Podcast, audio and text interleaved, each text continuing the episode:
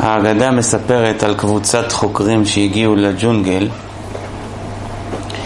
ומצאו אדם נח תחת עץ קוקוס. שאלו אותו, מה אתה עושה כאן? אז הוא אומר, אני חי כאן, אני כותב כל יום שלושה אגוזי קוקוס, פותח אותם, שותה את המים, אוכל אותם, דג שני דגים, ועם זה אני חי. טוב לי. שאלו אותו ככה כל יום? כל יום. אז תגיד, למה לא תוריד עוד כמה אגוזי קוקוס בבת אחת? כל יום לטפס על העצים, כל יום להוריד שלושה. תדוג כמה דגים בבת אחת, תמכור אותם, יהיה לך כסף, ואז תרוויח יותר. אז הוא מסתכל עליהם כמו שהם נפלו מהירח, הוא אומר, מה אני ארוויח מזה? הוא אומר, כשיהיה לך יותר כסף, יהיה לך יותר זה, אז תוכל לנוח. אז הוא שואל אותם, ומה אני עושה עכשיו? אני נח. יש uh, צורך בשינוי תפיסה. כל המריבות שלנו, כל המחלוקות, באות כתוצאה מזה שאנחנו לא רגועים עם עצמנו. כל הדיבורים הרעים שבני אדם מדברים, לשון הרע, רכילות, והנושא שלנו היום זה כוח הדיבור בעקבות קמצא או בר קמצא ודיבור ועניינים ועניינים שקשורים לשנאת חינם. כל הדברים שקשורים לשנאת חינם זה כאשר האדם נמצא במצב שהוא לא רגוע עם עצמו. האדם שטוב לו עם עצמו והוא נינוח והוא נח, כמו שבסיפור, אז הוא לא יוצא לריב עם אף אחד, הוא לא יוצא להילחם עם אף אחד, הוא לא מנסה לקנות ולא להתחרות באף מציאות שעומדת לפניו, טוב לו, נעים לו. מה ההבדל בין אדם לבהמה? האדם הולך עם בגדים ומברך בבוקר ברוך מלביש ערומים. האדם, כדי לצאת ולבוא בין הבריות, הוא צריך איזה שהם לבושים. הלבושים זה הפירוש הוא איזה שהם בחינות מסוימות שאיתם הוא מתלבש כדי להצטייר בצוירה מסוימת עם האנשים שאיתם הוא בא במגע. זאת אומרת, יש מה שאנחנו ויש איך שאנחנו רוצים להיראות. אצל בעלי החיים אין מה שאנחנו ומה שאנחנו רוצים להיראות. הם יוצאים ככה, כמו שהם. הם לא מברכים בבוקר ברוך מלביש ערומים, הם לא צריכים את זה. בחסידות כתוב שהאדם יש לו לבוש מחשבה, לבוש דיבור, לבוש מעשה. זה לבושים שאיתם אנחנו יוצאים. כאשר הפה שלנו, המלבוש הזה, הלבוש הזה, שנקרא לבוש הדיבור, כאשר הוא תקין, כאשר הוא נינוח, הוא נעים, האדם נמצא במצב שטוב לו עם עצמו, אז הלבוש הזה באמת מקדם אותנו. אנחנו באמת יוצאים ובאים בין הבריות ואנחנו מכובדים בעיניהם.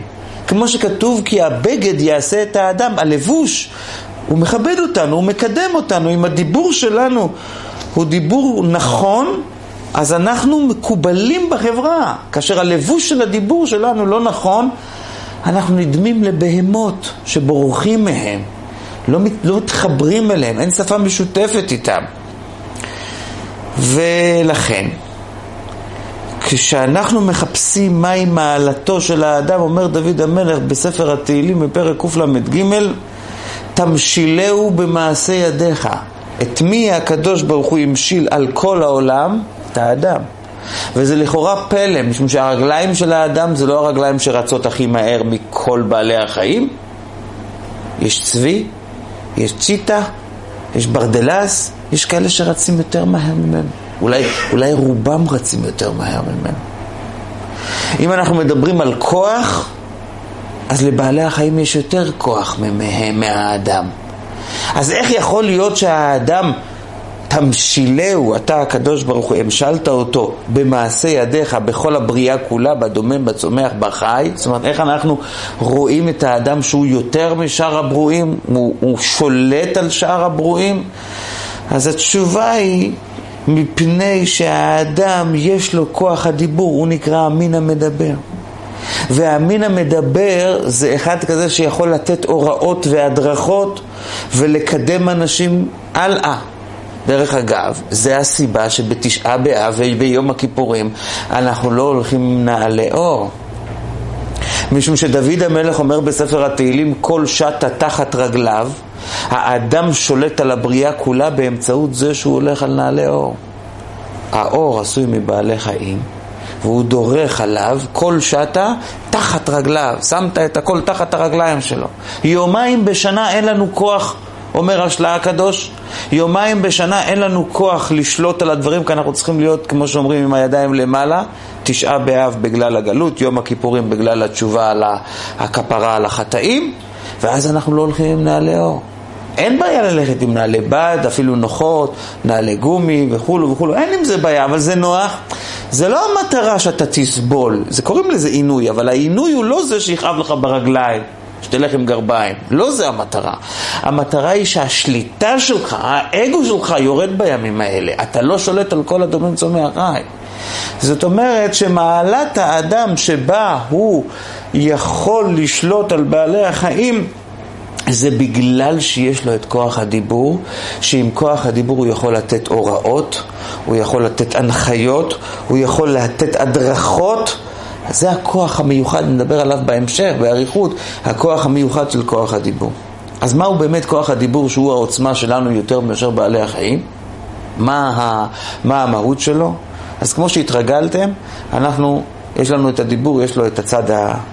את הצד הלא מתוקן שלו, הדיבור הלא מתוקן, הדיבור הלא תקין, ויש לנו את הדיבור המתוקן, הטוב, שמפעיל, שבונה, יוצר, ושתי הבחינות הללו הן בחינת סור מרע ועשה טוב. אז, אז כתוב בפסוק סור מרע ואחר כך עשה טוב, בקש שלום ורודפהו, אם אנחנו רוצים להגיע לתיקון מדובר, אנחנו צריכים קודם כל לתקן את הדיבור השלילי, ורק אחר כך אנחנו מגיעים לדיבור החיובי, אז אנחנו מחלקים את השיעור לשתיים. סור מרע ועשה טוב. דיבור, במובן קודם כל איזה דיבור לא, ואחר כך איזה דיבור כן, כשתמיד השלב של הכן הוא יותר ארוך מהשלב של הלא. זה מה שאנחנו צריכים לעשות בפועל ממש. אחד הדברים הכי מעניינים ביהדות, הלכה בשולחן ערוך, שכשהתינוק, מאז שהוא נולד, מיד שהוא מתחיל לדבר, אביו מלמדו תורה ציווה לנו משה מורשה קהילת יעקב. כאילו שהתורה נלחמת על המילים הראשונות שהילד יגיד מהפה, המילים המודעות שהוא יגיד. יש ילדים שאומרים אימא, יש ילדים שאומרים אבא, יש ילדים שאומרים כן, יש ילדים שאומרים לא, אבל המילים המודעות שאתה משנן איתו, שיהיו תורה ציווה לנו משה מראשה קהילת יעקב. למה זה היה כל כך חשוב לתורה? מה יהיו הדיבורים הראשונים שהילד יגיד כשהוא יוצא, מה, יוצא מעולם הדממה לעולם הדיבור? אז התשובה היא מאוד מאוד פשוטה. הדיבור הוא יוצר עולמות.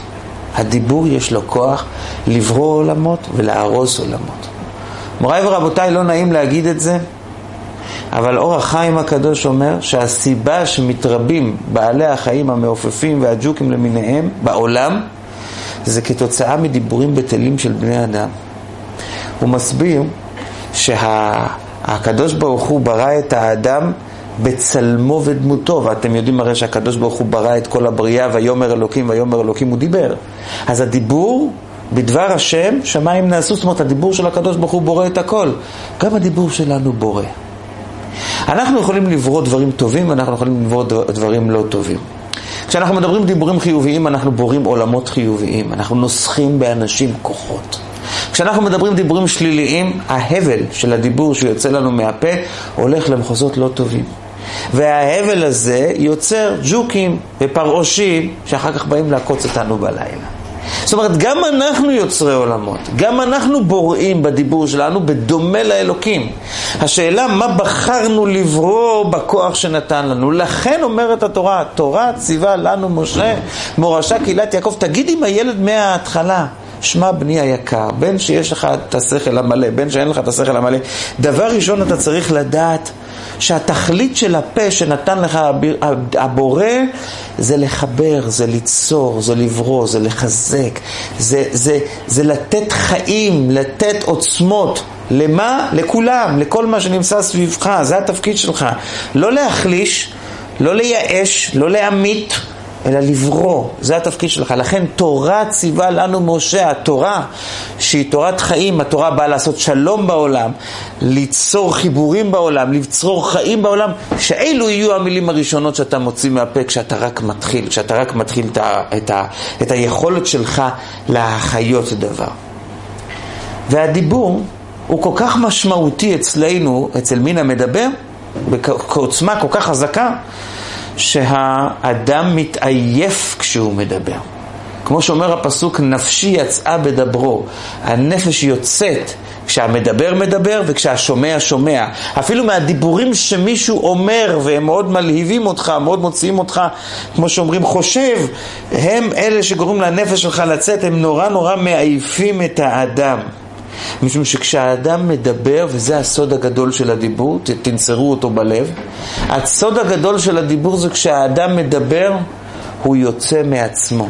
בכל כוחות הנפש שהאדם משתמש, בכל הספירות שהאדם משתמש, בחסד, בגבורה, בתפארת, בכל כוח שהאדם משתמש, הוא, הוא נכנס לתוך עצמו, הוא חוזר לעצמו, הוא, הוא, הוא, הוא, הוא מתמקד ו, ו, ו, ומתחבר עם עצמו חזק יותר כשהוא רוצה, למשל, האדם יש לו רצון.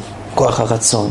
אתה רוצה לבצע ולממש איזשהו דבר, אתה צריך להתחבר עם הרצון שלך חזק מאוד, ואז אתה תצליח עם, עם הדבר שאותו אתה רוצה לנצח ולהעפיל ול, ו, ו, ולכבוש. הדיבור זה הדבר היחיד שאם אתה רוצה שהוא יהיה יפה ושהוא יהיה מועיל ושהוא יהיה תועלתי, זה שאתה על עצמך אתה לא חושב בכלל, אתה רק חושב על האדם שעומד מולך, שהוא יבין את הדברים טוב יותר. הדיבור זה הכוח היחיד שהאדם יוצא מעצמו כל הזמן. כדי לדבר הוא צריך לצאת מעצמו. ולכן אומר שלמה המלך בקהלת, עת לדבר ועת לחשות מלדבר. אתם יודעים למה? משום שהדבר הכי מעייף מבחינה פסיכולוגית נפשית זה היציאה שלנו מעצמנו. כשאנחנו בתוך עצמנו, אנחנו בתוך הקונכייה שלנו, אנחנו מרגישים שאנחנו בבית. וכשאתה בבית אתה מלא עוצמות. כשאתה צריך לצאת החוצה ולהילחם ולהיות בפחד, מה יגידו? שלא יראו בי איזשהו חץ, שלא יגרמו לי איזשהו כישלון, שלא יפילו אותי למטה, שלא יורידו לי את המורל, זה כשאתה יוצא החוצה מהבית שלך החוצה. בדיבור האדם הכי חשוף. כשהאדם שותק, הוא הכי שמור. כשהאדם מדבר, הוא הכי חשוף. לכן האדם מתעייף בשעת הדיבור שלו יותר מכל דבר אחר. עייפות נוראית מהדיבור. ולכן האדם חייב לעשות הפסקה בדיבור שלו, לעשות מנוחה בדיבור שלו, לדעת לשתוק, עת לדבר ועת לחשוק מלדבר. ומי שלא יודע לעשות את ההפסקה הזאת, יהיה עייף כל הזמן, גם מבחינה פיזית וגם מבחינה נפשית, זה העיקר. ולכן אומרת החסידות דבר מדהים, הקדוש ברוך הוא נתן לנו שישה ימים ונתן לנו את יום השבת. עד שלא היה טלפון פלאפון, אנחנו לא ידענו, לא הרגשנו מה שאומרת החסידות כל הזמן. החסידות טוענת, ימי המעשה מקבלים את חיותם, ששת ימי המעשה, מקבלים את חיותם מעולם הדיבור העליון.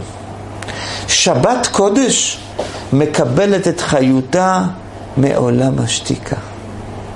זאת אומרת, בשבת קודש זה זה, זה אולי קצת הפוך ממה שחושבים. זה לא זמן לדבר, זה זמן לשתוק. ולכן חז"ל אומרים, בקושי התירו לדבר דברי תורה בשבת. לשון של חז"ל. כי בשבת אתה אמור לאגור כוחות, עת לחשות מלדבר, כדי שיהיה לך את העוצמות לכל השבוע. במשך השבוע אתה מקבל מעולם הדיבור, ואז אתה מדבר לאורך כל הזמן. סוד זמן המנוחה מהדיבור זה סוד השבת. כמובן שיש צורך גם לדבר, אבל לא רק לדבר. ומכיוון שהקדוש ברוך הוא אוהב אותנו, אז הוא אמר שאסור לדבר בטלפון בשבת. משום שלפחות, בסוף אנחנו נעשה שאלות כדי לא להתבלבל, אנחנו, אנחנו, אנחנו לוקחים את, ה, את, ה, את הכוח שלנו לצאת מעצמנו. הדיבור, שימו לב, חברים, זה לא רק הלדבר, זה התנועה שאתה יוצא מעצמך. אנשים שואלים, אבל יום שבת זה היום של הטיולים שלנו. זה היום של המפגשים של החברים, נוסעים למשפחה, לחברים, זה היום. השבת כובלת אותנו. הם לא מבינים את הסוד הפנימי שעומד מאחורי השבת. השבת, המטרה שלה זה להתכנס, להתכווץ, לנוח, אז כן לדבר עם המשפחה הקרובה. אבל ככל שאתה יוצא מעצמך יותר וצריך להחצין את עצמך, אז יוצא שאתה לא נח אף פעם. אז אתה הופך להיות שחוק. אתה הופך להיות בן אדם שאין לו כוח, שאין לו עוצמות. עכשיו מוריי ורבותיי, זה לא רק ביחס לשבת וליום חול, זה גם ביחס ליום חול עצמו. אומר הצמח צדק, הדיבור הוא כתר. למשפט הזה יש שתי משמעויות. המשמעות הראשונה זה שמי שיודע לדבר טוב, שמים לו כתר על הראש. מי זה שזוכה למלכות? מי זה שזוכה לממשלה ולשליטון? מי זה מנהיג טוב? זה מנהיג שיודע להגיד את המילה הנכונה במקום הנכון. בדבר מלך, בדבר מלך שלטון. המלך מנהיג את המדינה שלו באמצעות הדיבור. אבל איזה דיבור? הדיבור המתוקן, הדיבור המלכותי, הדיבור עם הכתר. זה הדיבור. יש פסוק שאומר, כתר לי זה עיר. כשאתה רוצה לקבל את הכתר, כשאתה רוצה להיות בספירת המלכות, תדע לך שזה כתר לי זה ער, זה, תדבר מעט, זה ער, כתר לי זה ער. כתר זה גם מיעוט, מיעוט הדיבור, שאתה יודע לדבר בצורה מתאימה, לאט לאט, אז אתה מקבל את הכתר. וזה האופן של הדיבור ביום חול, מוריי ורבותיי. אז בואו נסכם. הדיבור זה המנהיגות. הדיבור זה בששת הימים. בשבת צריך פחות לדבר. בתוך בני המשפחה כן, אבל לא יותר מדי להפגין את הכוח שלנו, של היציאה מעצמנו בשבת, ולכן מתכנסים, לא נוסעים, לא יוצאים, אלא בתוכנו, מתחזקים בפנים, בתוך, בתוך, בתוך חיק המשפחה. וגם ביום חול, בששת ימי המעשה, אז, אז הבחינה של הדיבור היא בחינת הכתר. בחינת הכתר, שתיקה. בחינת הכתר, מלכותיות בדיבור, עדינות בדיבור, כמו דיבור של מלך, לא דיבור של בן אדם שאומר מה שבא לו, איך שבא לו, מתי שבא לו ולמי שבא לו. יש לו גם מעצורים על הפה. ולכן אם תראו, בני אדם כאלה שאין להם מעצורים על הפה, אתם יכולים לדעת שמלך הם לא יהיו. מה פירוש מלך הם לא יהיו? קודם כל, הם לא שולטים על עצמם גם בשאר הדברים. ב', מנהיגות לעולם לא תהיה להם, כי הם לא יכולים להנהיג אם אין להם את יכולת השתיקה. תיזהרו, הדיבור מגלה מי אתם. לא יעזור כמה שאנשים משחקים, איך שאומרים בעברית, משחקים אותה. ומנסים להסתיר את עצמם. בדיבורים שהם מדברים, הם לעולם לא יצליחו להסתיר את עצמם בדיבור. חכם מה הוא אומר, חכם מה הוא אומר, רשע מה הוא אומר, כל אחד מגלה את עצמו בתוך הדיבור שלו, והרבי הרשע בספר המאמרים תרע"ב אומר דבר מפתיע. אומר, יש לי דיבור ויש לי מעשה, שניהם יוצאים החוצה, שניהם מתגלים החוצה. במעשה שאני עושה, יש רק רושם ממני. הצדיקים היו יכולים להסתכל על, על כלי שעשה אומן ולראות את כל הנפש שלו בכלי שהוא עשה או בציור שהוא צייר, אבל זה רק רושם מהנפש שלו, רשימו בלשון של המאמר. ואילו הדיבור מגלה מי אתה בתוך המילים שאמרת, או בין המילים שאמרת, בין אם התכוונת, בין אם לא התכוונת. לא רק רושם. את המהות הפנימית שלך מגלים כאשר אתה מדבר. לכן צריך זהירות מיוחדת, כי האדם את הנפש שלו מוציא כשהוא מדבר. תיזהרו, זה לא רק זה. לדיבור יש גם מערכת הטעיה. הוא מגלה מי אתם, ואני אעשה את האיזון. הוא מגלה מי אתם, אבל רק מי שיודע להסתכל בעיניים פנימיות. מי שמסתכל בעיניים של חיצוניות, עיניים שטחיות, הוא לא מגלה את מה שעומד לפניו, ולא רק שהוא לא מגלה, הוא יכול אפילו להתבלבל. הדיבור במהותו הוא מאוד מאוד משתנה כתוצאה מדברים חיצוניים. למשל, כשקר לנו, לא בא לנו לדבר. כשאנחנו רעבים, לא בא לנו לדבר. האדם נורא נורא מושפע בדיבור שלו מאלמנטים חיצוניים. אומר האדמו"ר הצמח צדק במאמר, בגלל שהאדם מושפע מדברים חיצוניים בדיבור, אז גם הדיבור במהותו הוא חיצוני. מי שמושפע מחיצוניות זה סימן מה הוא. הדיבור הוא חיצוני, ומכיוון שכך הוא מושפע מחיצוניות. ולכן אנחנו צריכים נורא נורא להיזהר לשפוט רק לפי המילים. אנחנו לא יכולים לשפוט רק לפי החיצוניות של המילים, זה הדיוק. משום שאם אנחנו נשפוט לפי החיצוניות, אנחנו לא נגלה את האמת שעומדת לפנינו, ואני אתן לזה דוגמה. בואו ניקח למשל את הנחש. הנחש, שהוא היה בעל חיים באותם ימים עם אינטליגנציה ועם יכולת דיבור, והוא הכשיל את חווה והוא פיתה אותה לחטוא באמצעות הדיבור שלו. אומר הרבי בליקוטי שיחות שבגלל שהנחש עם הדיבור שלו פיתה את חווה, נגזר עליו שיעלה ממנו כוח הדיבור. אומר הרבי, כל מי שניתן לו כוח הדיבור והוא לא משתמש איתו נכון, אלא מפיל אנשים בפח כתוצאה מהדיבורים שלו, זאת אומרת הוא לא בונה את העולם, לא עושה חיבורים בעולם, אלא יוצר ניתוקים בעולם, אז הקדוש ברוך הוא יגרום שיילקח ממנו כוח הדיבור, זאת אומרת שיילקח ממנו היכולת לחבר משהו באמצעות הדיבור, ואיפה זה בא לידי ביטוי כתוב? המצורע מוציא שם רע, דיבר לא לעניין, וכתוצאה מכך אומרת עליו הגמרא, על המצורע, פעמיים בתלמוד זה כתוב שמצורע חשוב כמת. אדם שקיבל את הצהרת, בגלל שהוא דיבר לשון הרע, אז הוא נחשב כמו מת. מה זה מת? שהנפש שלו הופרדה מהגוף. אומרים בעלי המוסר, הוא בדיבורים שלו גורם הפרדה בין אנשים, הוא גורם פירוד ולא חיבור, הדיבור שלו הוא לא מתוקן, הוא המית אנשים אחרים. אז גם הוא ימות. זאת אומרת, בנפש שלו הוא מת. מה זה נקרא שהאדם מת? זה לאו דווקא ששולחים אותו לבית הקברות, אלא שהוא נמצא במצב כזה, איזה עולם דפוק. הכל על הפנים. הכל... אדם יוצא החוצה, קם בבוקר, ופתאום הוא רואה דברים הכי אמיתיים והכי צודקים, אבל הכל רע. אני לא יודע, אתם האנשים נראים לי רואים רק טוב, אבל בגדול אתם מכירים דבר כזה שבן אדם יוצא ופתאום בסריות הוא רואה רע אחרי רע אחרי רע אחרי רע.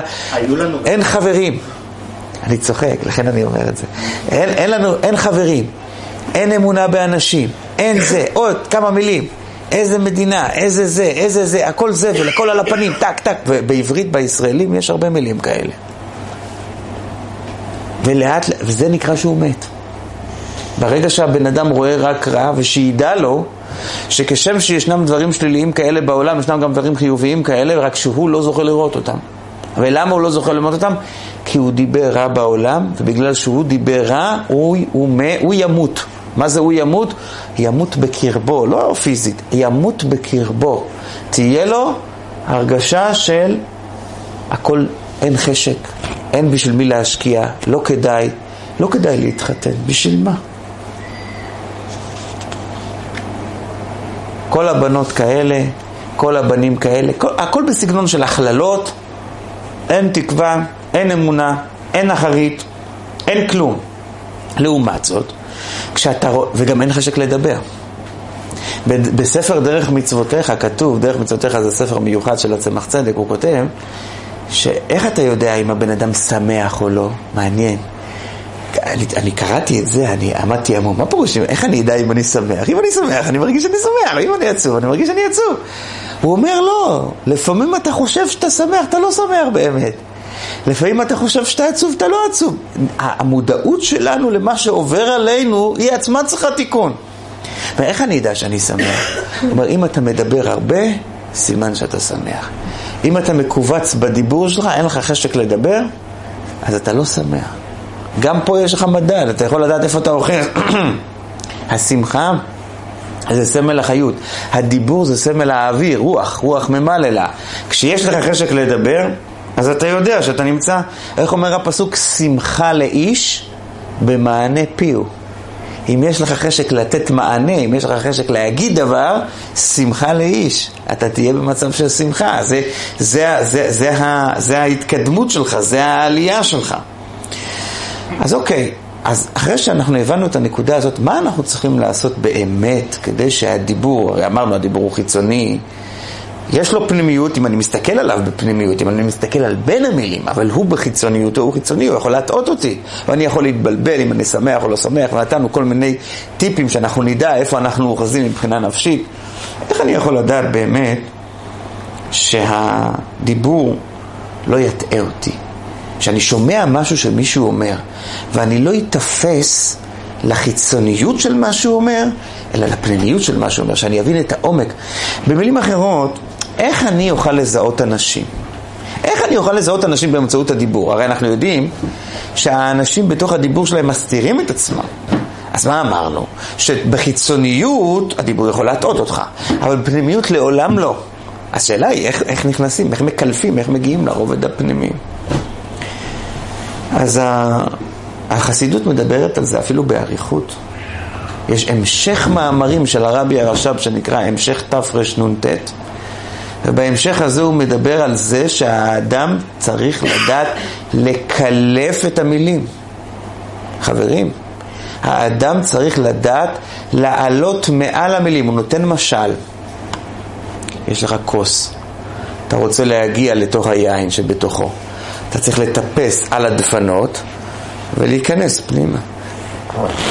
זאת אומרת, תדע לך שהדיבור הוא מעלים במידה מסוימת ומגלה במידה מסוימת. אם אתה יודע להקשיב טוב, אז הוא עכשיו מגלה גדול. אבל אם אתה מביט רק על המילים, אם אתה לא לומד לעקוף את המילים, אתה לא תצליח אף פעם להשתמש בכלי הנפלא הזה שקוראים לו דיבור. אני אתן לכם דוגמה. כשהרבי היה מתוועד, אז בהתוועדויות שלו, הוא היה אומר המון דברי תורה, במשך שעות. עכשיו, הוא היה מעודד את האנשים שהם לא רק uh, ישמעו ויעשו הן הן, אלא שגם uh, ישאלו עליו שאלות. אבל בהתוועדות זה לא היה כל כך מעשי שישאלו שאלות באמצע ההתוועדות. אז uh, הוא נתן אפשרות שהיו יוצאים uh, קבצים של uh, דברי תורה מהישיבות שהיו שם בבית מדרש שלו, והם היו כותבים את השאלות והוא היה מסתכל בקבצים שם והיה מדבר על זה בהתוועדות הבאה, היה מגיב, היה עונה, היה מקבל, תלוי מה הייתה ההערה. אז אחד הדברים שאני הבחנתי במשך השנים, שקראתי את השיחות ואת ה, את ההערות שהעירו לו ומה הוא ענה על ההערות, אז אני הבחנתי בדבר מאוד מעניין. הייתה לו תשובה שהוא חזר עליה הרבה מאוד פעמים על טענות שטענו כלפיו על מה שהוא אמר בהתוועדות, או שאלות ששאלו על מה שהוא אמר בהתוועדות. ואני אומר את זה ביידיש ואני אתרגם, הוא אומר, מטראכט וגן דוורטר, מטראכט ניש וגן דם עניין. אתם חושבים על המילים שאמרתי, לא חשבתם על הרעיון שמסתתר מאחורי המילים. כן. זאת אומרת, יש לחשוב על, על התוכן, ויש לחשוב על המילים. לחשוב על המילים זה טוב בשלב הראשון. בשלב הראשון אתה חייב להתחבר קודם כל למילים. אם אתה לא יודע את המילים, אתה לא יכול להבין שום דבר. אבל אחרי זה, מה זה נקרא שהבנתי טוב? שהצלחתי לקלף את המילים ואני אני, אני, אני למעלה מזה, הרעיון מונח לי בראש, לא, ה, לא ה, המילה הספציפית, אלא משהו שהוא מעבר לזה. וזה, הביטוי הזה, הוא יכול לתת לנו מה אנחנו צריכים לעשות כשאנחנו מקשיבים למישהו. שלב הראשון צריך להיות שאתה שומע אותו, אבל כשאתה שומע זה לא מספיק. אתה צריך לדעת איך לעקוף את המילים, איך להסתכל ולחדור על התוכן שהוא רוצה להעביר לי מעבר למה שנשמע מתוך המילים שלו, ואנחנו רוצים לעשות עכשיו שיעורי בית ולהבין, אז איך עושים את זה? הבנתי את השלב, אז איך עושים את זה בפועל? שמנו לב, בוודאי, ש... שהעולם מתחלק בגדול, בגדול לשני, לשני חלקים, שני סוגים של בני אדם. יש את האנשים, אני קורא להם בטרמינולוגיה שלי, האנשים העייפים. מה זה שהם העייפים? האנשים העייפים שכאילו הם כל כך עייפים, כשאתם עייפים, עייפים, עייפים, אתם, אתם לא חושבים על אף אחד, אתם לא מנסים לעזור לאף אחד, אתם לא מבחינים בשום קושי שיש למישהו אחר, אתם שקועים רק במה? רק בעצמכם ובעייפות שלכם. זה, זה, ה, זה ההגדרה לעייפות, או לכאב, עייפות. יש אנשים שהם עייפים, הפירוש הוא שכל השיח ושיג שלהם, מהרגע שהם קמים בבוקר עד כשהם הולכים לישון, כל הזמן רק סביב עצמם. למה הם עייפים? יכול להיות שהם מאוד חזקים ומאוד רעננים פיזית. אבל אני קורא להם עייפים כי מבחינה נפשית הם לא עולים. לא, איך אומרים? לא עלו מעל הצלחת של עצמם. לא הצליחו להביט מבט אחד, מילה אחת, מחשבה אחת, מעבר למה שעובר להם בראש. לא מסוגלים, לא שייך להם. יש הרבה מאוד אנשים כאלה, ויכול להיות שהם אפילו יותר מחצי מהעולם. שהם רואים רק את עצמם. גם כשאתה מדבר איתם, הם מדברים רק על עצמם. על מה הם עשו, על מה הם לא עשו, על מה, על, על, על מה כואב להם ועל מה לא כואב להם, על, על, מה, על, על הרגשות שלהם. הם כל הזמן בתוך בועה של עצמם. עייפים אני קורא להם.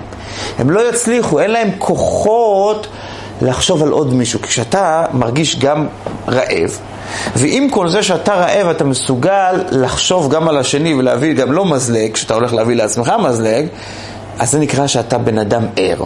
כי אתה, אתה חושב על עוד מישהו, שם, אתה ערני למה שקורה סביב, לא רק לבטן שלך, אלא לעוד משהו. אבל יש עייפים שהם לא ערניים, הם יושנים, הם, הם, הם... עכשיו, כשאנחנו מדברים על המין המדבר, כשאנחנו מדברים על האדם, האדם הרי נקרא מין המדבר. מדבר, כמו שהגדרנו אותו קודם, היסוד של הדיבור זה לצאת מעצמך. תארו לעצמכם בן אדם מדבר בסגנון כזה. אז העניין של כל הדיבור זה שהאדם צריך להבין שהוא צריך לצאת מעצמו, ואז כשהוא יוצא מעצמו, אז בסייעתא דשמיא הוא יכול להגיע לדרגות לא פשוטות, ואז כשהאדם יוצא מעצמו, הוא מתקדם. בא לכם להמשיך להקשיב. למה? כי לא יצאתי מעצמי, אני מדבר לעצמי. כשאני מדבר לעצמי ואני לא מנסה להעביר מסר למישהו אחר עם תנועות הידיים, עם הלב, עם המחשבה, עם המנגינה, אם אתה לא מנסה להעביר למישהו אחר משהו, לא יצאת מעצמך, אם אתה נמצא בתנועה כזאת שאתה לא יוצא מעצמך, אז אתה לא מסוגל לא מסוגל להחיות אף אחד, אתה לא מסוגל לקדם אף אחד, אתה לא מסוגל לצאת לשום מקום. אז כשאתה רוצה להיות בן אדם שיודע לקרוא בין המינים, קודם כל, אורה, למה תישן? בן אדם, תתעורר. איך אצל הספרדים שרים בחודש אלול, בן אדם עליך נרדם, תקום! קום קרא לאלוקיך, תחשוב שיש עוד משהו, אתה לא שקוע רק בעצמך. זאת אומרת, כדי לקלוט בין המילים, צריך להיות בן אדם שמסוגל לצאת מעצמו. לפי זה יוצאת הגדרה חדשה. מדבר ולא מדבר, יכול לדיבור ולא יכול לדיבור, מה הפירוש? האם יש לך ראש רחב מעבר למה שעבר עליך? אתה יודע לדבר. אם אתה לא מסוגל לצאת ממה שעבר עליך בלבד, אז אתה לא יודע לדבר. זה משהו מדהים, זאת אומרת, זה, זה יסוד חדש. המדברים האמיתיים, אלה שעולים מעל המילים, אלה שיודעים לקרוא מה שבין המילים, אלה שיודעים לגלות באמצעות הדיבור שמישהו מדבר אליהם, אז הם מזהים מי הוא ומה הוא ומה מהותו, מי הם המדברים האמיתיים, זה בני אדם שהם בחיים האישיים שלהם יורדים לצאת מעצמם. אז לכן כשהם באים לאותיות של האדם, אותיות הדיבור או אותיות הכתיבה, הם מסתכלים על הדברים, הם יודעים לצאת מה... מהמילים האלה, לעלות מעל המילים האלה ולהתקדם, ואיך אומרים? לצאת מהם לדרגה גבוהה יותר. אבל יכול להיווצר מצב שהבן אדם יהיה שקוע כל הזמן בלשווק. זה 2022. כל הזמן איך, איך אני נראה, בנראות שלו, איך זה יתקבל, איך זה ייראה, איך זה ייתפס, איך זה יישמע, וכולו וכולו. כל הזמן הוא רק בזה. זאת אומרת, הוא נמצא רק בדיבור, והוא לא חוזר לעצמו אף פעם. אתם זוכרים, עת לדבר ועת לחשות מלדבר. האדם צריך לפעמים לחזור לעצמו כדי לקבל כוחות, כי הדיבור הוא מעייף. היציאה החוצה היא באמת מגלה לך נפלאות, אין ספק. אבל אף על פי שהיא מגלה לך נפלאות, אבל אתה לאט לאט נשחק שם בחוץ. אתה צריך לחזור חזרה לעצמך ולקבל לעצמך. אתה לא יכול כל הזמן רק לחשוב איך זה ייראה. אתם מכירים אנשים שמבחינה נפשית אין בהם כלום חוץ מפה? פה. פה. תציירו אותם בקריקטורה, זה ייראה בן אדם קטנצ'יק ופה ענק, ענק, ענק. זה, זה מודל. בן אדם שכל הזמן מתאמן רק על הדיבור, איך זה ייראה, איך זה ייתפס, איך זה יישמע, והוא אף פעם לא חוזר לעולם השתיקה שלו. הוא אף פעם לא חוזר אף פעם לתנועה של אני עכשיו צריך לנוח, אני צריך לחשוב. אז הבן אדם הזה, הפה שלו הולך ונהרס, לא הולך ונבנה. הוא גם לא הולך ובונה אחרים באמצעות הדיבור שהוא מדבר. אז עד כאן זה החצי הראשון של השיעור. החצי שמדבר על הסור מרע שיש בדיבור, בסוף נעשה גם סיכום. השלב השני של הדיבור זה איך בונים דיבור נכון, איך בונים דיבור מתקן, דיבור בונה, דיבור יוצר. אז הרבי הרשע בהמשך הכי הכי ארוך שלו, שנקרא המשך מאמרים תרע"ב, ההמשך הכי יפה, הכי קשה גם כן. הוא כותב שמה שיש דיבור ויש כוח הדיבור. שני דברים. דיבור וכוח הדיבור. אומר, דיבור יש גם אצל בעלי החיים. כוח הדיבור יש רק אצל האדם. מה הפירוש? כדי שאנחנו נבין את זה, אני רוצה לתת הקדמה קצרצרה מה מיוחד היה בפה של האתון של בלעם. שהיא פתחה את הפה והיא דיברה בשפה של הבני אדם. אבל למה כל כך מתרגשים מזה? יש תוכי שמדבר בשפה של האדם. מה הפלא? ציפור המדברת, יש דברים כאלה. אז התשובה היא שיש הבדל מהותי בין דו-שיח של בעלי חיים אחד עם השני לבין דו-שיח של בני האדם אחד עם השני. וכדי שזה יהיה מוחשי, אני אגיד את זה בצורה מאוד מאוד מאוד אה, פשוטה. אם אני מדבר איתכם עכשיו, אפשר להקליט אותי? כן. כנראה שעושים את זה גם. אה, אפשר אחר כך לשמוע את ההקלטה הזאת אפילו שאני לא אהיה כאן? כן. בן אדם שישמע את ההקלטה יוכל להבין מה שאמרתי, אם הדברים שאמרתי יהיו מובנים, הוא יוכל להבין אותם? כן. אוקיי. אצל בעלי חיים זה עובד אחרת. הם אמנם מדברים עם קולות, אבל הם לא מדברים רק עם קולות, הם מעבירים באמצעות הקולות גם מחשבות טלפתיות. זאת אומרת שכששור עומד מול פרה והוא מדבר איתה, אם הוא לא יעמוד מולה, הוא לא יצליח להעביר לה את המסרים שהוא רוצה להעביר רק באמצעות הצלילים של הדיבור. יש משהו בצלילים שלהם, בוודאי שיש, אבל הצלילים בעצם מעבירים איזשהו מסר, מה אני מרגיש. וההרגשות האלה עוברות גם בעת ובעונה אחת באמצעות הקול וגם באמצעות המחשבה. ואז בעל החיים מסוגל לקלוט טוב. אבל אם הוא יעמוד אחד פה בקיבוץ פה ופרה אחרת בקיבוץ השני, הם לא יצליחו לדבר ביניהם. לעומת זאת, האדם כן יכול לדבר. הוא יכול לדבר באמצעות הטלפון, הוא יכול לדבר באמצעות מכתב, הוא כותב מכתב, והמכתב יישלח לשם. הוא יכול לדבר באמצעות הקלטה. היום אנשים שקשה להם לכתוב, אז הם מקליטים ושולחים הודעה מוקלטת. הוא יכול לדבר באמצעות ההקלטה וזה יהיה אותו דבר. זאת אומרת, ישמעו אותו ויבינו אותו באות, באותה מידה. האדם נקרא מין המדבר אף על פי שגם לבעלי חיים יש שפה. למה? כי הוא מסוגל להפריד את הדיבורים שלו ולהניח אותם על השולחן ולהשאיר אותם שם גם כשהוא לא נמצא שם. ואילו בעלי החיים כשהם מדברים הם יכולים אך ורק להשאיר, או אם אתם רוצים בצורה מוחשית יותר, אם אני אקליט את ציפורי הבוקר בציוצים שלהם אז הם מעבירים איזשהו מסר. אז את הצפצופים יהיה, אבל את המסר, בעלי החיים שישמעו את ההקלטה לא יקבלו. הם יקבלו את הצפצופים ולא את המסר שמאחורי הצפצופים. רק אם יהיו ציפורים חיות מולם, הם יעבירו מולם את הצפצופים עם המסר שאיתם ביחד. לעומת זאת, האדם מעביר באמצעות הדיבור שלו גם את המסר, גם את הרגש, גם את המוח, גם את השכל, את הכל באמצעות הדיבור, הוא יכול להפריד את הדיבור שיעמוד בפני עצמו.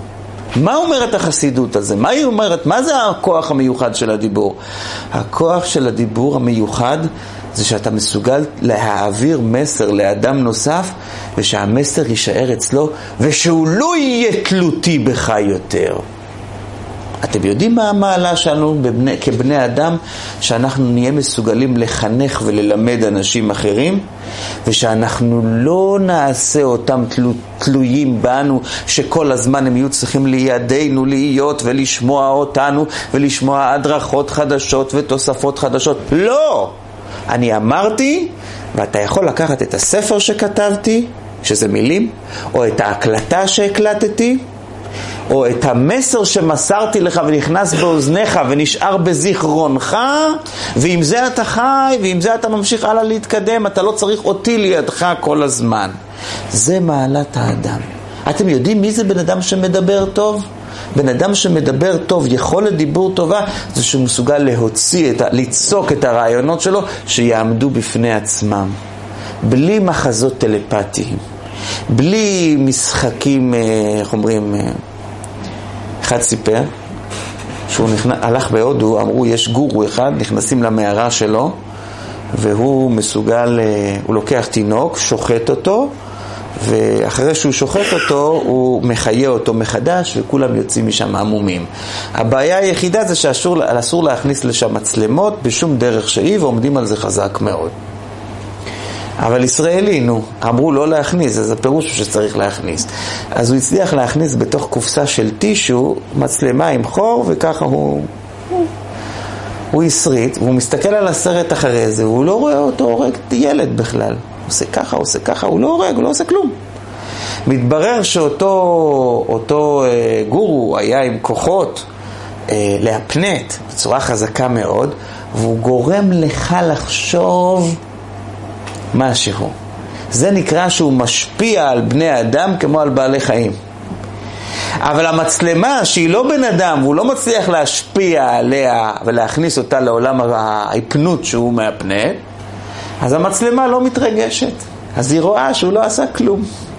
הדיבור, מעלת הדיבור, זה לא דיבור של בעל חיים, זה לא דיבור של איפנות, זה לא דיבור שלוקח ממך את הבחירה החופשית, זה דיבור שגורם לך לחשוב.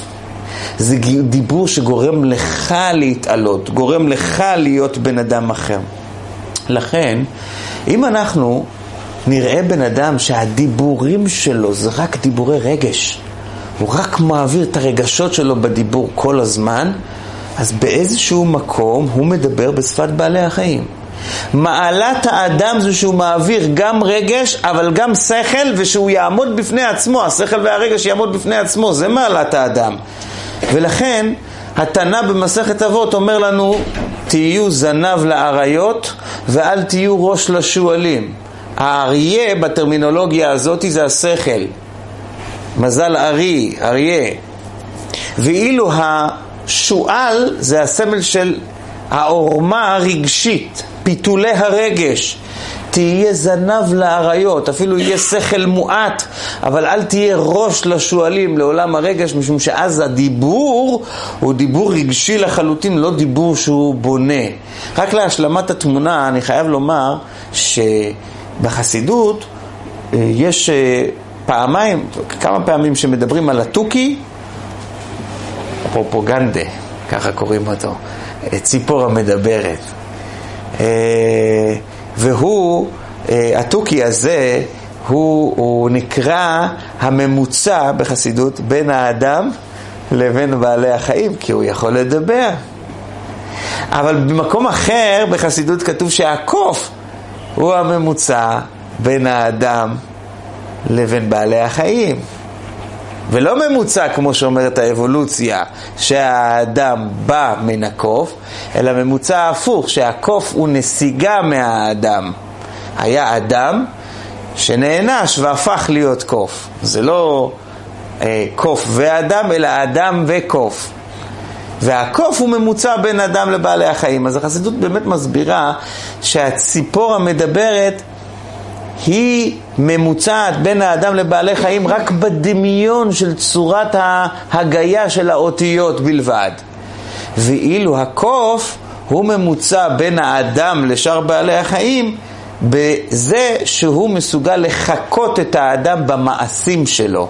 הקוף, כמו הביטוי המפורסם קוף אחרי בן אדם, שהוא מחכה מעשים של האדם. הציפור היא, היא ממוצע בדיבור שלה, והד... והקוף הוא ממוצע במעשים שלו, אבל שניהם לא מן המדבר. כי מן המדבר יכול להעמיד את הדברים בפני עצמם, ואילו הם לא יכולים להעמיד את הדיבורים בפני עצמם, אלא רק, כמו שאמרתי, בצורה טלפתית. לכן למעשה, כשהתורה אומרת ויהי האדם לנפש חיה והתרגום אונקולוס אומר לנפש חיה זה לרוח ממללה שהפירוש של רוח ממללה זה למין המדבר ויהי האדם למין המדבר אז הפירוש של משמעות הדבר זה שהאדם צריך לשאוף כל החיים שלו להיות מין המדבר. אתה לא נולדת כזה בטבע, אתה צריך כל הזמן לבנות את זה, לחזק את זה. במה אתה מחזק את מין המדבר שבתוכך? על ידי זה שאתה לומד להעביר מסרים, והמסרים שלך צריכים להיות מסרים קליטים, מובנים, עומדים בפני עצמם, והכי חשוב, משנים את הבריאה, משנים את האדם השומע, משנים את העולם. הגמרא במסכת ברכות מספרת שהיה פותר חלומות שקראו אותו, בימים ההם, שקראו אותו בר הדיה. פותר החלומות הזה היה אדם לא מוסרי, והוא היה פותר את החלומות בהתאם לכמה ששילמו לו. והגמרא מספרת, מתארת כמה סיפורים, איך שזה היה, עד שעלו על זה. מישהו הצליח להשיג את ספר פתרון החלומות שלו, ושם היה כתוב שהכלל הראשון הוא זה שכל החלומות הולכים אחרי הפה. הבעל שם טוב, בכתר שם טוב, כותב שהאדם צריך מאוד מאוד להיזהר מה הוא אומר. ברגע שאתה מרגיל את עצמך להגיד טוב, יהיה טוב. ברגע שאתה מרגיל את עצמך להגיד רע, יהיה רע. ומה הסוד שעומד מאחורי הדברים? הוא אומר, זה שלא רק האדם נברא ב- בסמל הדיבור, כל העולם נברא בסמל הדיבור. כל הבריאה אומרת שירה, כל העולם מדבר. מכיוון שכל העולם נברא בסמל הדיבור, מה שמדברים קובע את המציאות, ולא המציאות קובעת את מה שמדברים, בדיוק הפוך מהתפיסה של חדשות. חדשות זה אנחנו אספר לכם על מאורעות שהיו, ואז אתם תדברו על זה ותעשו מזה שיחת היום.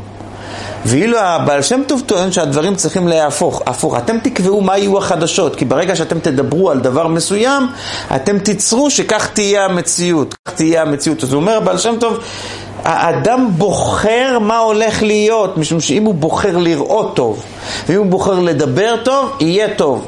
ואם הוא בוחר לראות רע, והוא בוחר לדבר רע, אז בסוף יהיה רע. הדיבור מפעיל את הבריאה, למרבה התדהמה. כך אומר הבעל שם טוב, הוא מעריך בזה בצורה מאוד מאוד ברורה. רבותינו נשיאינו חב"ד, הם, היה להם בזה ממש סדר, סדר של, של הנהגה. אני אתן דוגמה. הרבי הרייץ היה במאסר. אחרי שהוא יצא מהמאסר, זה היה מאסר של סכנת מוות, אחרי שהוא יצא מהמאסר הוא אמר דבר מאוד מעניין, מפתיע אפילו.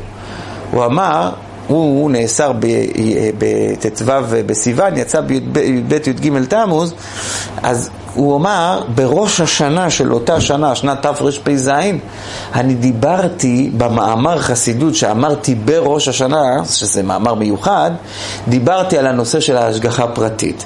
אם לא הייתי מדבר במאמר של ראש השנה על השגחה פרטית, אני לא חושב שהייתי מצליח לעמוד בייסורים ובאתגרים שהמאסר העמיד בפניי. ככה הוא כותב. בנוסף לזה הוא מספר על אבא שלו, שהרבי הרש"ב, אבא שלו היה מקפיד מאוד שאת המאמר שהוא היה אומר במוצאי ראש השנה, הוא תמיד היה ממשיך את המאמר לאחרי ראש השנה, ללילה, כמה דקות בתוך הלילה. למה? כדי להמשיך את כוח הדיבור לשנה הבאה באמצעות דברי חסידות, כמו שאמרתי קודם, שהילד שהוא נולד אז מתחילים איתו תורה ציווה לנו להתחיל את הדבר בדיבורים האלה וזה ישפיע, כמו שאומרים, על כל השנה כולה. מוריי ורבותיי, זה, נש... זה נשמע לנו דברים אה, רוחניים מדי, אבל זה ככה.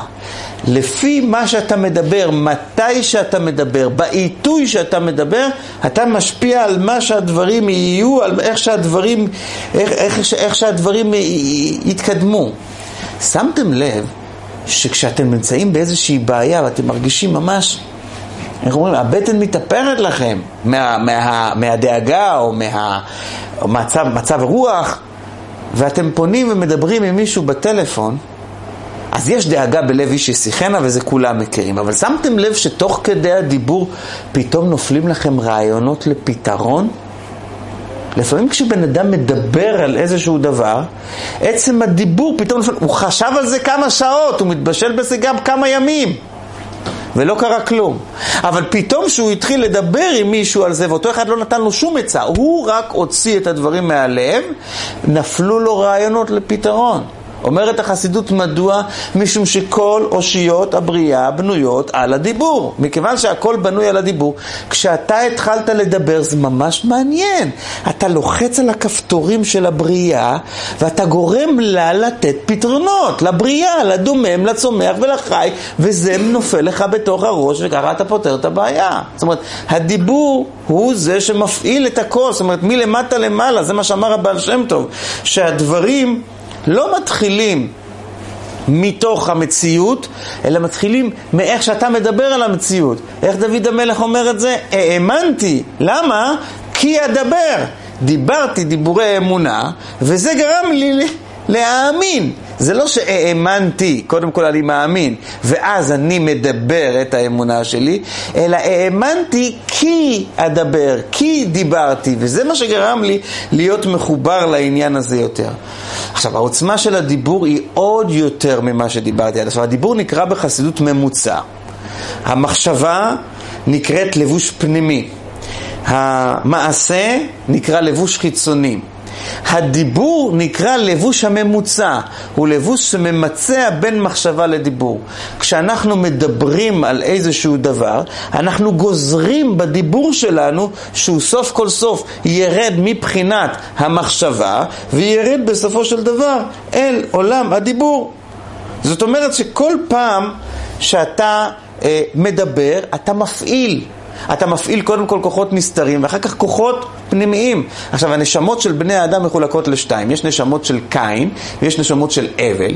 הנשמות של קין הן נשמות שיותר קשורות למעשה. הנשמות של אבל זה נשמות שיותר קשורות לדיבור, הבל לשון דיבור, הבל, הבל הפה.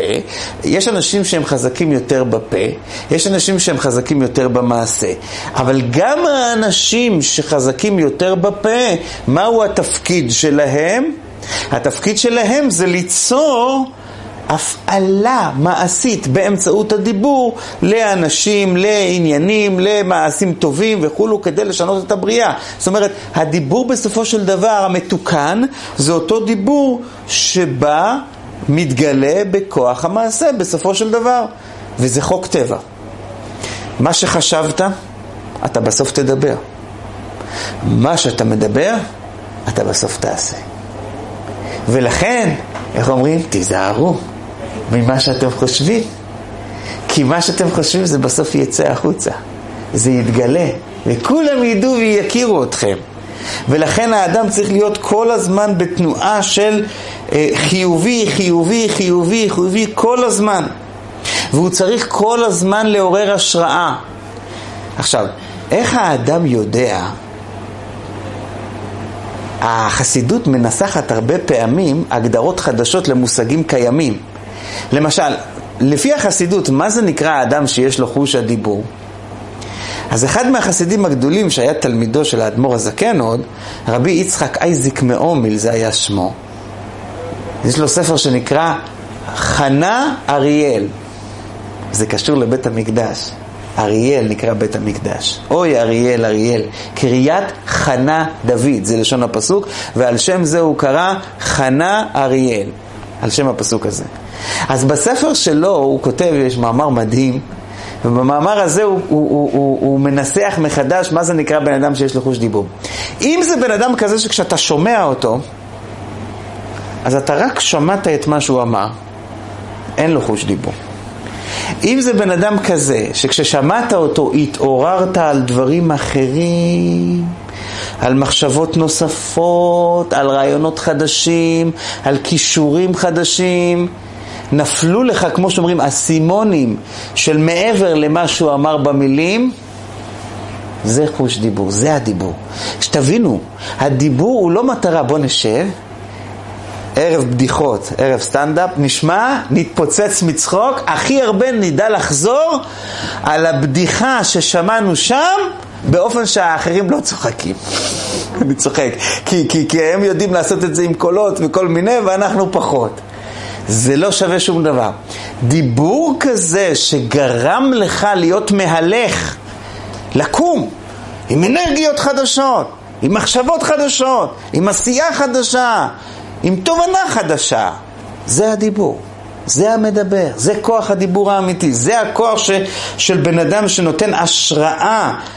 יש הרבה שמדברים יפה, אתה יכול להיות מרותק כשאתה מדבר, אבל בחצרות בית השם כשאתה יוצא לחצר מהשיעור, יפריחו, הכל פורח לך מהראש, לא נשאר לך כלום, אתה לא מתקדם לשום מקום כתוצאה מאותם הדיבורים.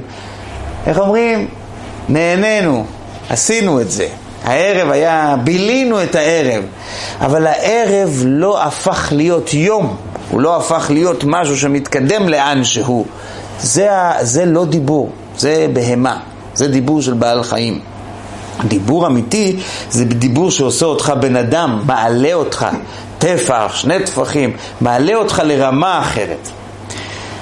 איך אנחנו יכולים לפתח בעצמנו הלכה למעשה את כוח הדיבור שבנו? יש המון סדנאות, והמון אה, זה, ותורת הנאום, וזה, ותעשה, ותעשה ככה, תעשה ככה, תעשה פה, תעשה שם. איך אתה יכול לפתח את זה? איך אתה יכול לקדם את עצמך? על פי תורה.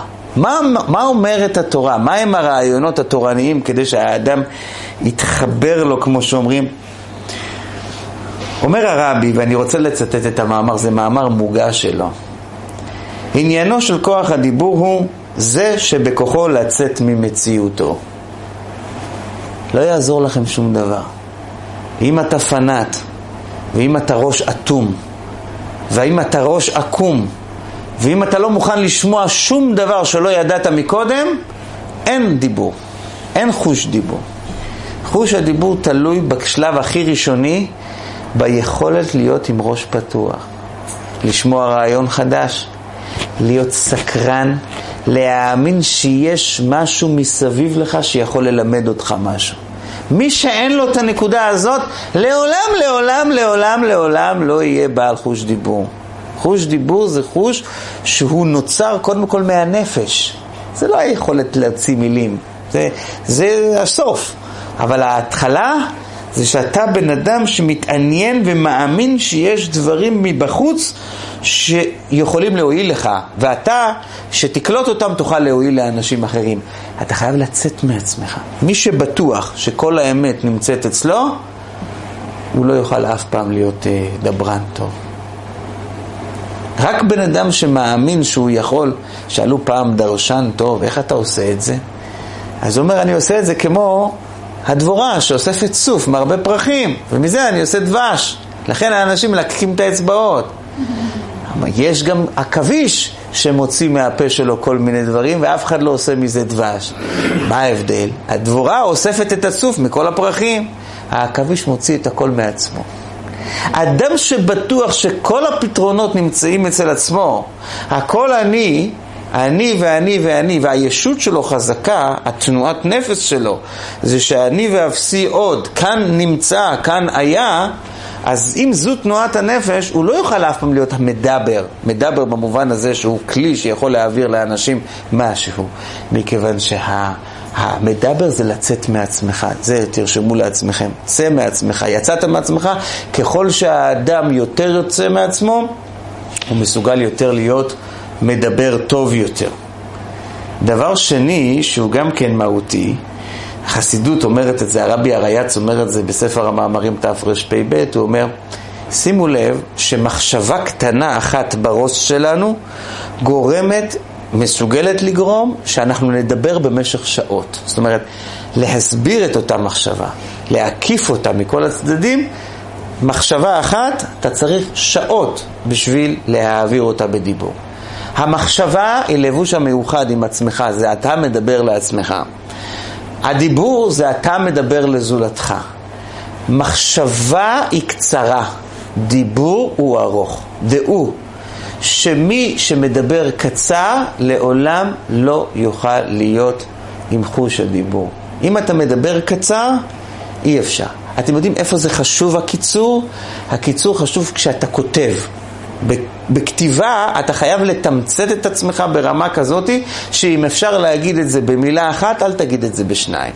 זה נקרא כתיבה טובה, זה כתיבה בונה, זה כתיבה שבונה את הקורא גם כן.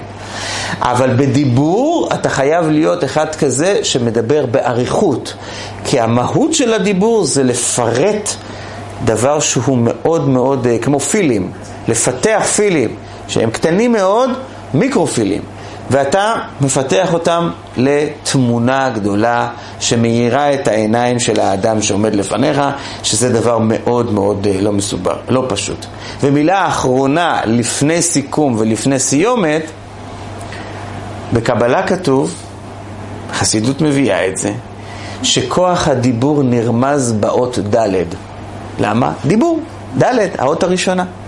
עכשיו, באותיות התורה יש לנו אותיות קטנות, ויש לנו אותיות גדולות. אם, אם יש לך את האות ד' גדול בנפש, יש לך דיבור חזק. אם יש לך את האות ד' קטנה, דיבור חלש. אבל נשאלת השאלה, האות ד' רומזת לעוד מילה, דלות. איך יכול להיות שכוח הדיבור זה אות ד' וכוח הדלות זה גם כן האות ד'? אומרת החסידות שלמי יש כוח הדיבור? למי יש כוח להעביר לאנשים, להשפיע, לש, לשנות?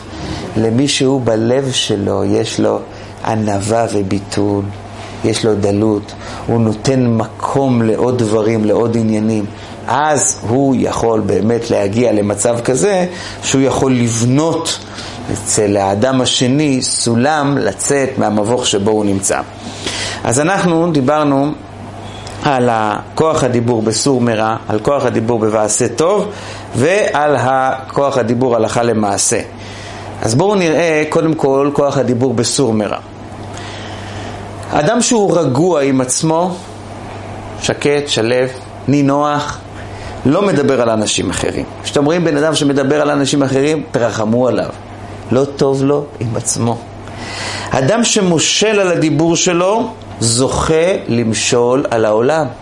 אתה מושל על הפה, אתה מושל על כל העולם כולו.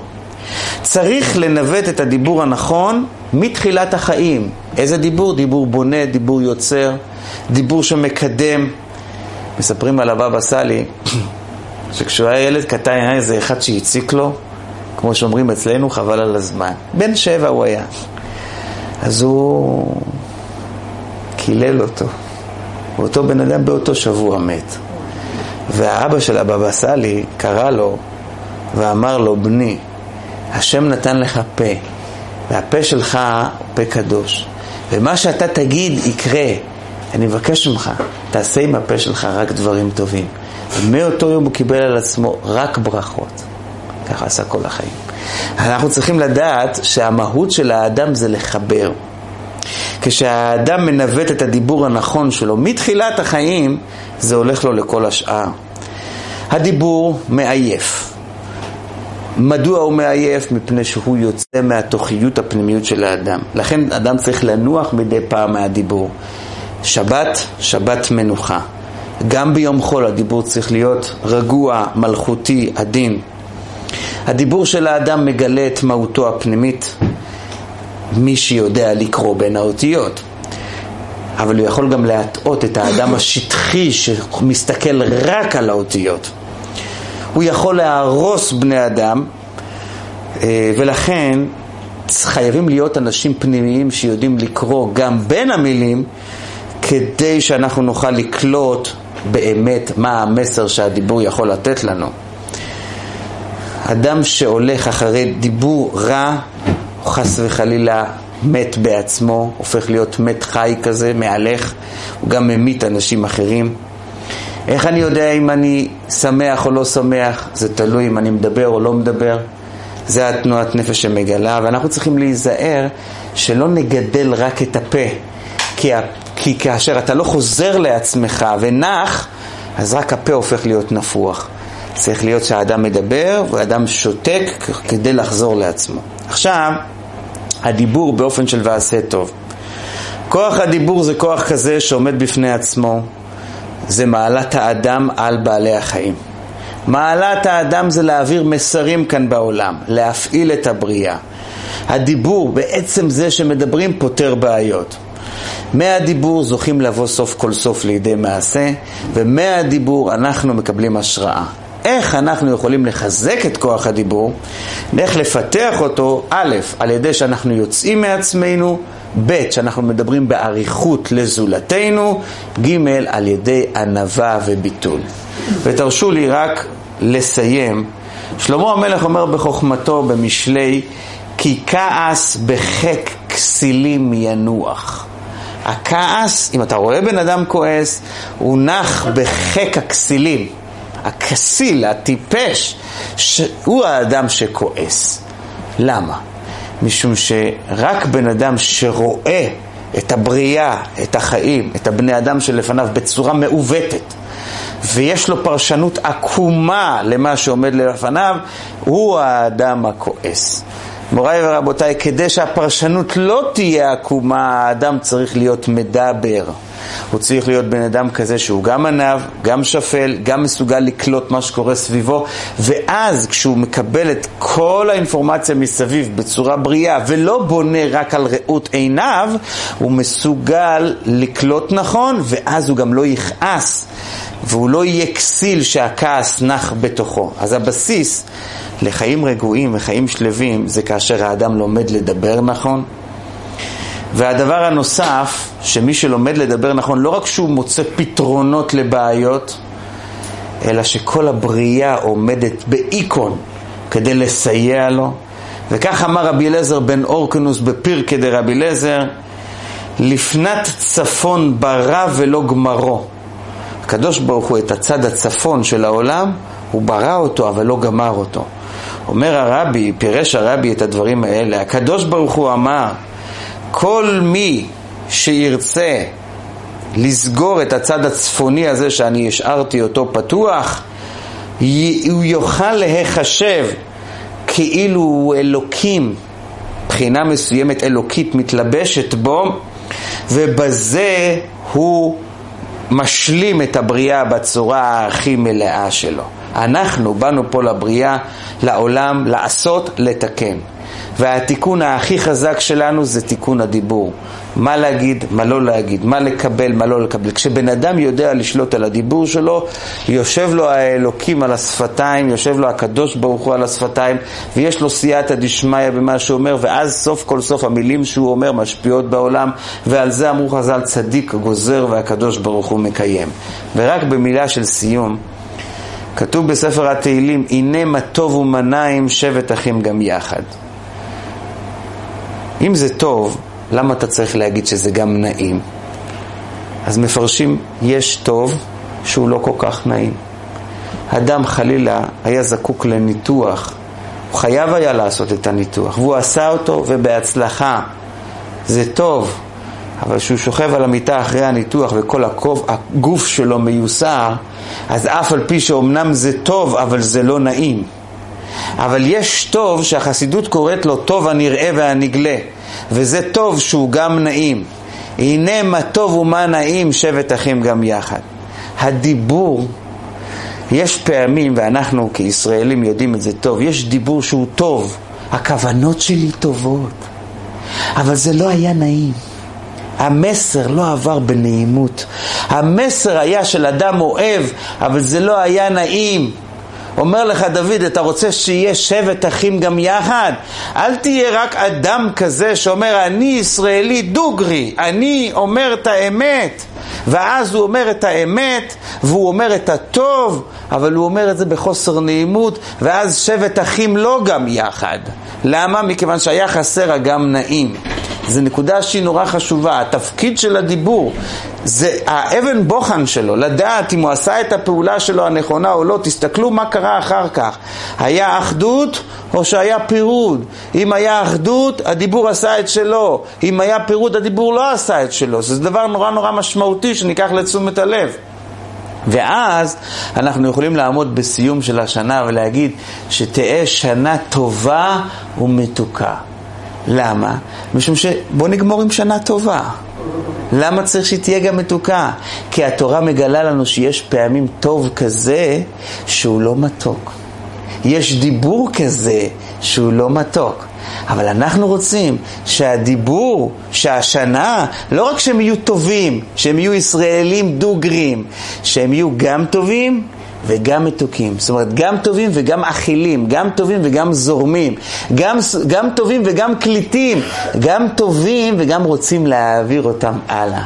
תודה רבה.